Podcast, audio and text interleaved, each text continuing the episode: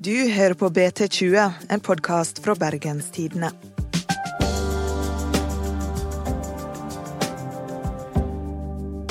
Kampen om å bli Norges elflyhovedstad er i gang, og Bergen er med. Om tre år skal vi få våre aller første elfly. Om teknologien slår til, kan vi i framtida fly på kryss og tvers av Vestlandet, nesten uten CO2-utslipp og helt uten flyskam. Mitt navn er Ingvild Nave.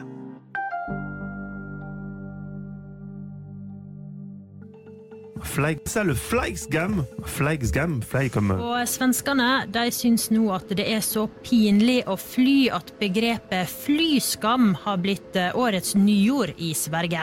Så det er et ord som har dukka mer og mer opp. Flyskam. Flyskam. Flyskam er blitt vårens store buzzword. Vi har kunnskapen og vet at det skader planeten vår, men likevel flyr vi mer og mer. Men er skam en effektiv måte å få folk til å fly mindre?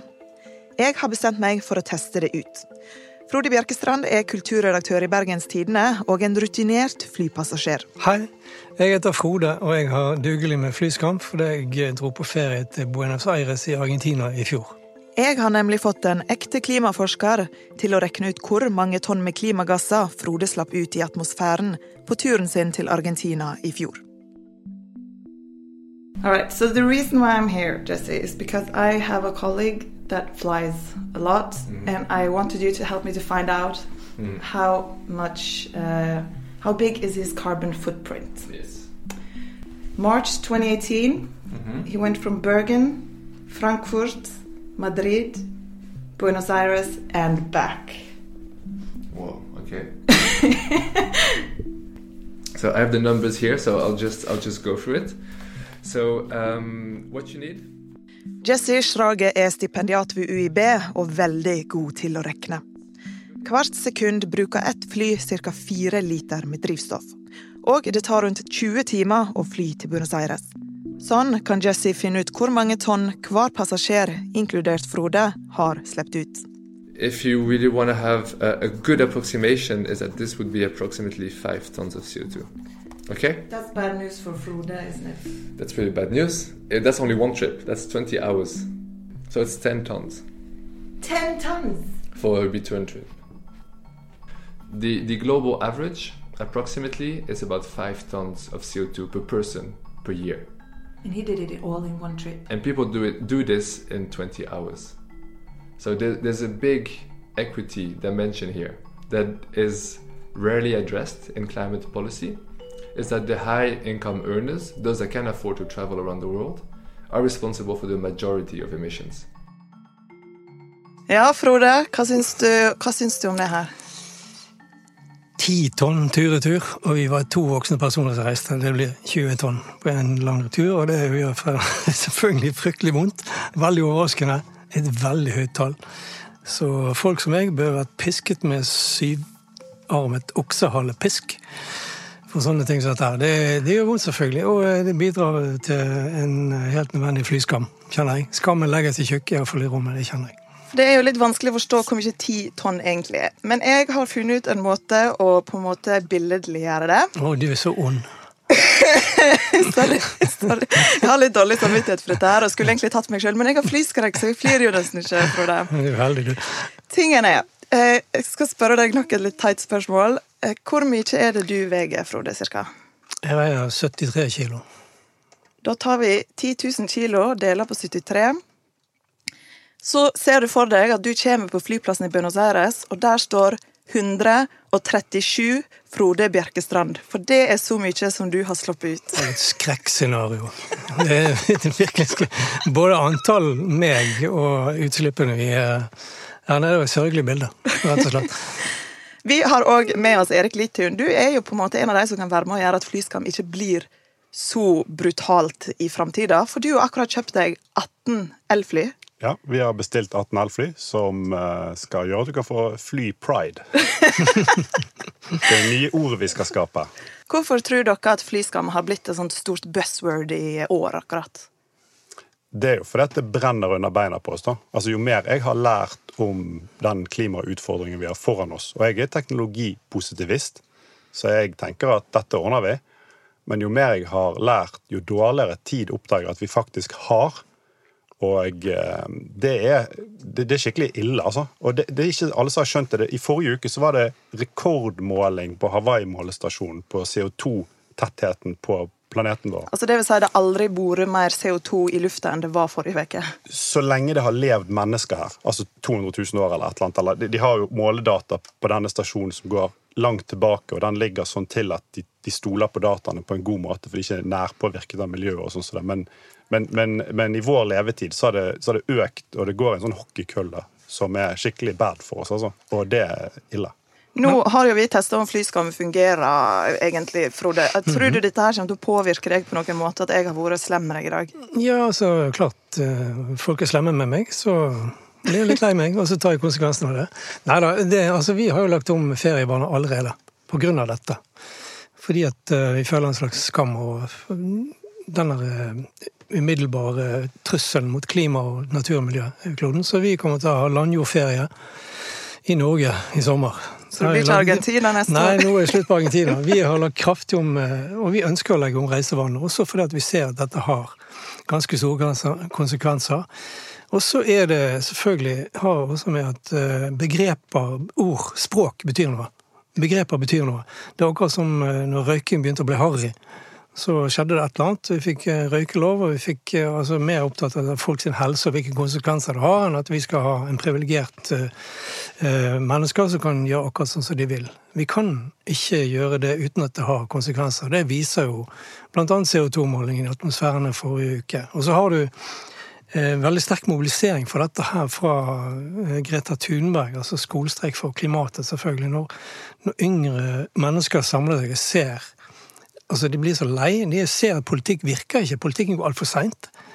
Så da er, får du en mer sånn aksjonistisk tilnærming. Og dette er jo unger som igjen kan overbevise sine foreldre om at den, all den flygingen her er ikke bra. Det er ikke bra for oss, og ikke bra for klimaet. Tror du det vil være helt akseptabelt å ta seg en helgetur til Paris om et par år? Eh, eh, Nei, jeg tror det blir sånn harry, det òg. Det kan bli det. En annen ting er at eh, politikerne eh, internasjonalt også har vært altfor lite villige til å bruke prismekanismen.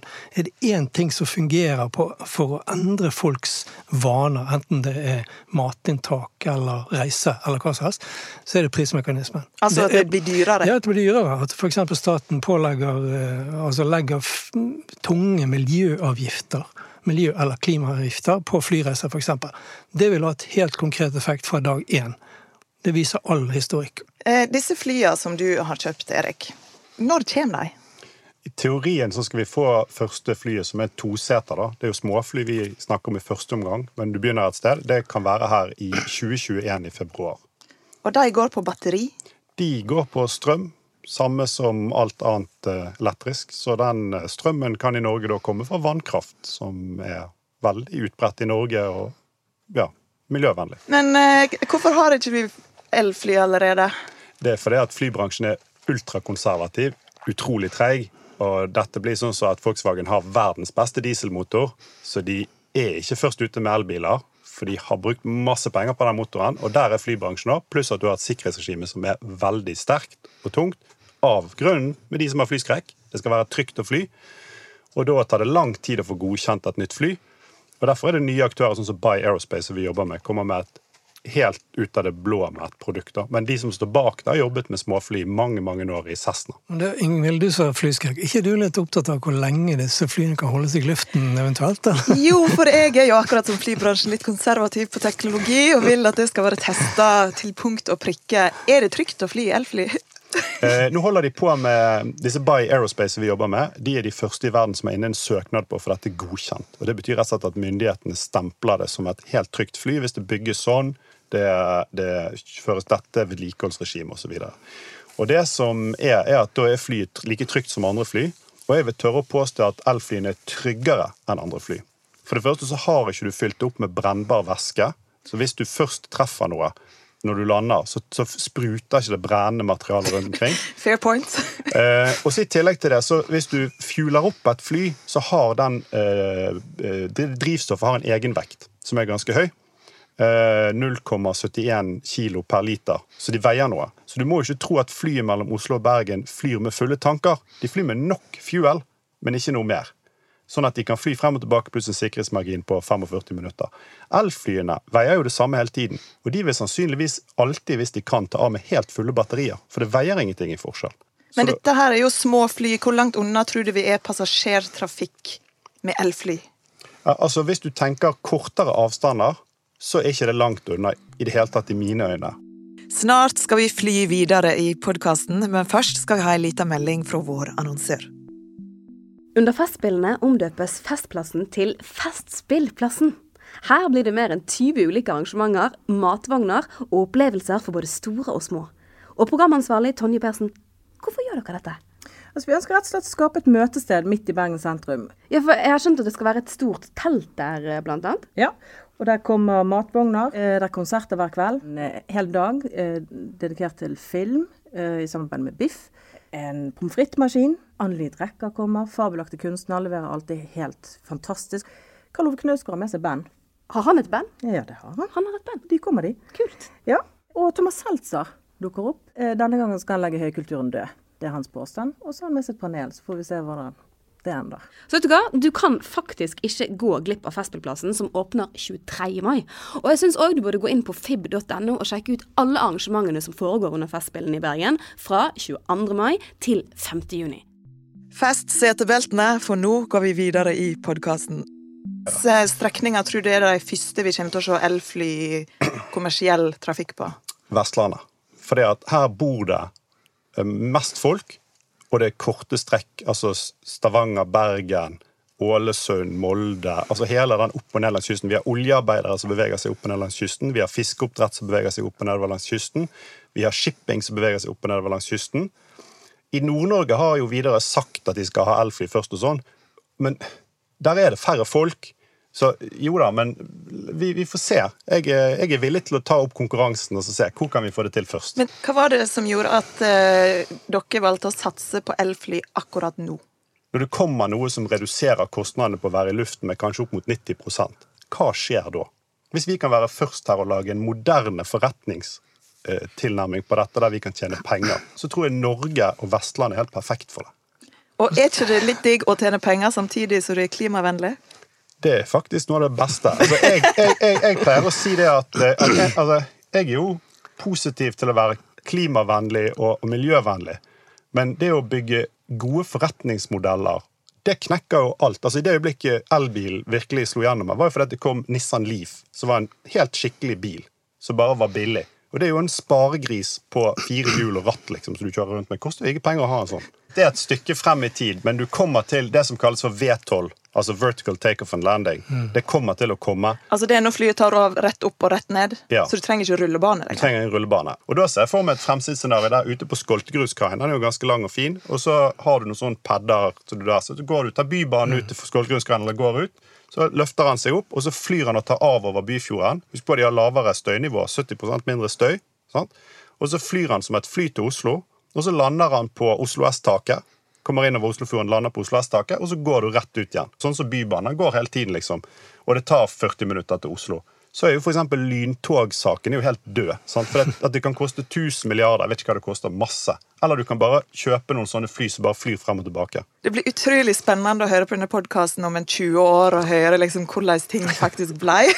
Korona begynner å, kanskje å nærme seg et teknologisk nivå der de også kan frakte mennesker og varer. Sant? Som er utrolig spennende utvikling. Hvis de klarer å elektrifisere dronetrafikken også 100 så begynner vi å snakke om transportsystemer. så ikke bare for passasjerer, men også for alle typer gods og sånne ting. Og da begynner det å bli virkelig spennende. Hvor langt framme ligger Bergen på denne teknologien her?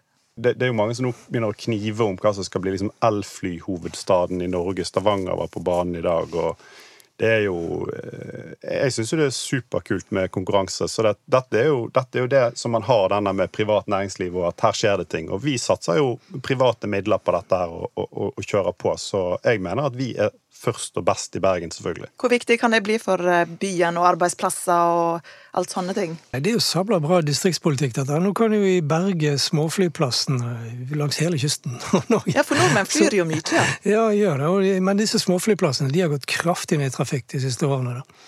Så der har det kanskje også et potensial. da. Ja, og så kan du lage moderne forretningsmetoder der du da bruker apper og teknologier, sånn som du får f.eks. en sånn type på forespørsel, altså som en Uber eller ting, at du sier at nei, for jeg er jo oljearbeider og er der og skal der. Sant? Jeg vil ha det flyet på en torsdag klokken ti, og så betaler du mye penger. Men da kan du f.eks. selge resten av plassen, eller du lager forretningsmodeller og ting rundt. Du gjøre mye, mye gøy. Uber for fly. Wow, mind blown, faktisk. Men hva syns den tradisjonelle delen av bransjen om denne teknologien? Omfavner de det at og vil være med å utvikle elektrisitet, eller vil de bare holde på med det de holder på med? Jeg kan si det at OSM Aviation, da, som jobber med flypersonal, har over 6000 ansatte, kabinfolk og 2000 piloter, de har jo bestilt 60 fly av den produsenten som vi jobber med. Og Det er fordi at de er fremoverlent og ser det at dette er det eneste riktige. Men når det kommer til Norwegian, så har jo Bjørn Kjos uttalt seg veldig negativt og sagt at du kan bare glemme L. Men jeg tror han tar feil, så vi får se. For Widerøe vil jo ha dem. Widerøe vil ha elfly. Eh, de er først og fremst på at de vil gå for hybrid. Og det er for så vidt greit. Eh, men jeg, jeg har ikke troen på hybrid, for å sette det på spissen og si det helt sånn. For du, du ender opp med dobbelt opp av ting istedenfor enklere. Og da kan du bare fly kortere. Og hvis du aksepterer å fly kortere først, så er du i gang med en gang. Hva er det som skjer i verden når det gjelder elektrifisering av fly nå? Og det som jeg tror kommer et eller annet sted, det er det at du går over til elektriske motorer. da. Altså i større grad, For det er mye bedre, rett og slett. Og Da er det spørsmålet med hybrid og litt sånn forskjellig. Og jeg tror jo det at Jeg har blitt anklaget av noen for å være veldig negativ til hydrogen, da. Men jeg tror f.eks. at i hydrogen i longhold-trafikken på en sånn hybridsak, det er riktig. Altså bygge om en Boeing eh, 777 eller sånne svære maskiner. Så hvis du skal til London, flyr du elektrisk, men skal du til Buenos Aires, flyr du hy hydrogen? Hydrogenhybrid. Det, det, det, er min tanke, men det er ingen som har tørt å foreslå ennå. Nå foreslår jeg det. Må... Altså, her har vi lov å tenke stort. Ja, bra. bra. Og her i Norge forsøker å ta en posisjon på det med hydrogen, da. men jeg mener du må bygge det fra toppen og ned. Da. For det mest vellykkede hydrogenfartøyet vi har, er jo en Saturn 5-rakett som vi dro til månen med. Så ja, hvis man... du kan komme deg til månen, må du kunne komme deg til London. Eller Buenos Aires. For, for, meg handler det veldig om hva som er politisk mulig og politisk umulig. Du så hva som skjedde når regjeringen innførte en flyseteavgift der i 2016 sant? på statsbudsjettet. 80 kroner per sete. Flynæringen spesielt gikk aldeles i svart. Men jeg mener at det begynner å bli på tide, og det begynner å bli legitimt. Spesielt fordi yngre generasjoner er i ferd med å overbevise sine foreldre at de bør kjenne på flyskammen og de bør endre atferd for, for, å redde klimaet, for å begrense CO2-utslipp. Jeg tenker at forurenser betaler. Det er et veldig godt prinsipp. Mm. Men nå er jo spørsmålet om skal disse eh, CO2-utslippskvotene faktisk koste det det koster å rydde opp igjen. For du må jo ta CO2 ut av atmosfæren mm. nå. Skal vi ikke svi av denne planeten. Sånn. Så de kvotene må, må legges på at forurenser betaler. Og hvis du da flyr et fly som ikke forurenser, da er det automatisk billigere. Men jeg synes jo det at i Norge, sånn som vi har gjort det med elbilpolitikken, den kan vi egentlig bare kopiere inn og si at du, du gir ikke ut penger eller subsidierer, men du skattlegger mer og mer forurensere. Og så de som ikke slipper ut nå, de går fri. Så det, det er en sånn treghet i politikken. Den er fryktelig konservativ, og den er basert på gamle dagers teknologi. Norge velger f.eks. å bygge bilvei langs hele kysten. Stamvei, f.eks. Istedenfor å satse på fornuftig og miljøvennlig kollektivtransport. Sant? Eller elfly. så eh, her bør politikerne tenke seg grundig om. Det er lov å angre, og det er lov å satse på mer fremtidsrettet teknologi og mer fornuftige eh, investeringer i infrastruktur. Hvor skal dere på ferie neste år, da? Blir det fly, eller blir det ikke fly? Eller blir det elfly? Til neste sommer, eller nå til sommeren? Nå til sommeren, nå til sommeren, nå til sommeren så uh, har jeg ikke helt bestemt meg. Jeg har vurdert å ta med ungene til USA, og jeg har tenkt over det med fly og ikke fly. Eh, så jeg har litt lurt på det. Men jeg kan jo nevne at min mor som er pensjonist, skal på interrail til sommeren. Ja, bra inch. Hei, hei. Interrail kan få sin renessanse. Klimastreik for pensjonen, eller noe sånt. Men det Nei, altså, vi skal på norgeferie i år, og det er en konsekvens av flyskam. Rett og slett. Vi skal ta tog, og så skal vi leie elbil. Og jeg skal ikke på ferie, jeg skal jobbe. Tusen takk for at dere kunne komme hit, Frode og Erik. Det var ukas episode av BT20. Vi er tilbake om ei uke, og da får du historie om den legendariske uteplassen Hulen, som fyller 50 år i år. Last òg ned vår nye lydapp Lytt. Produsent er Henrik Svanevik. Og mitt navn er Ingvild Nave.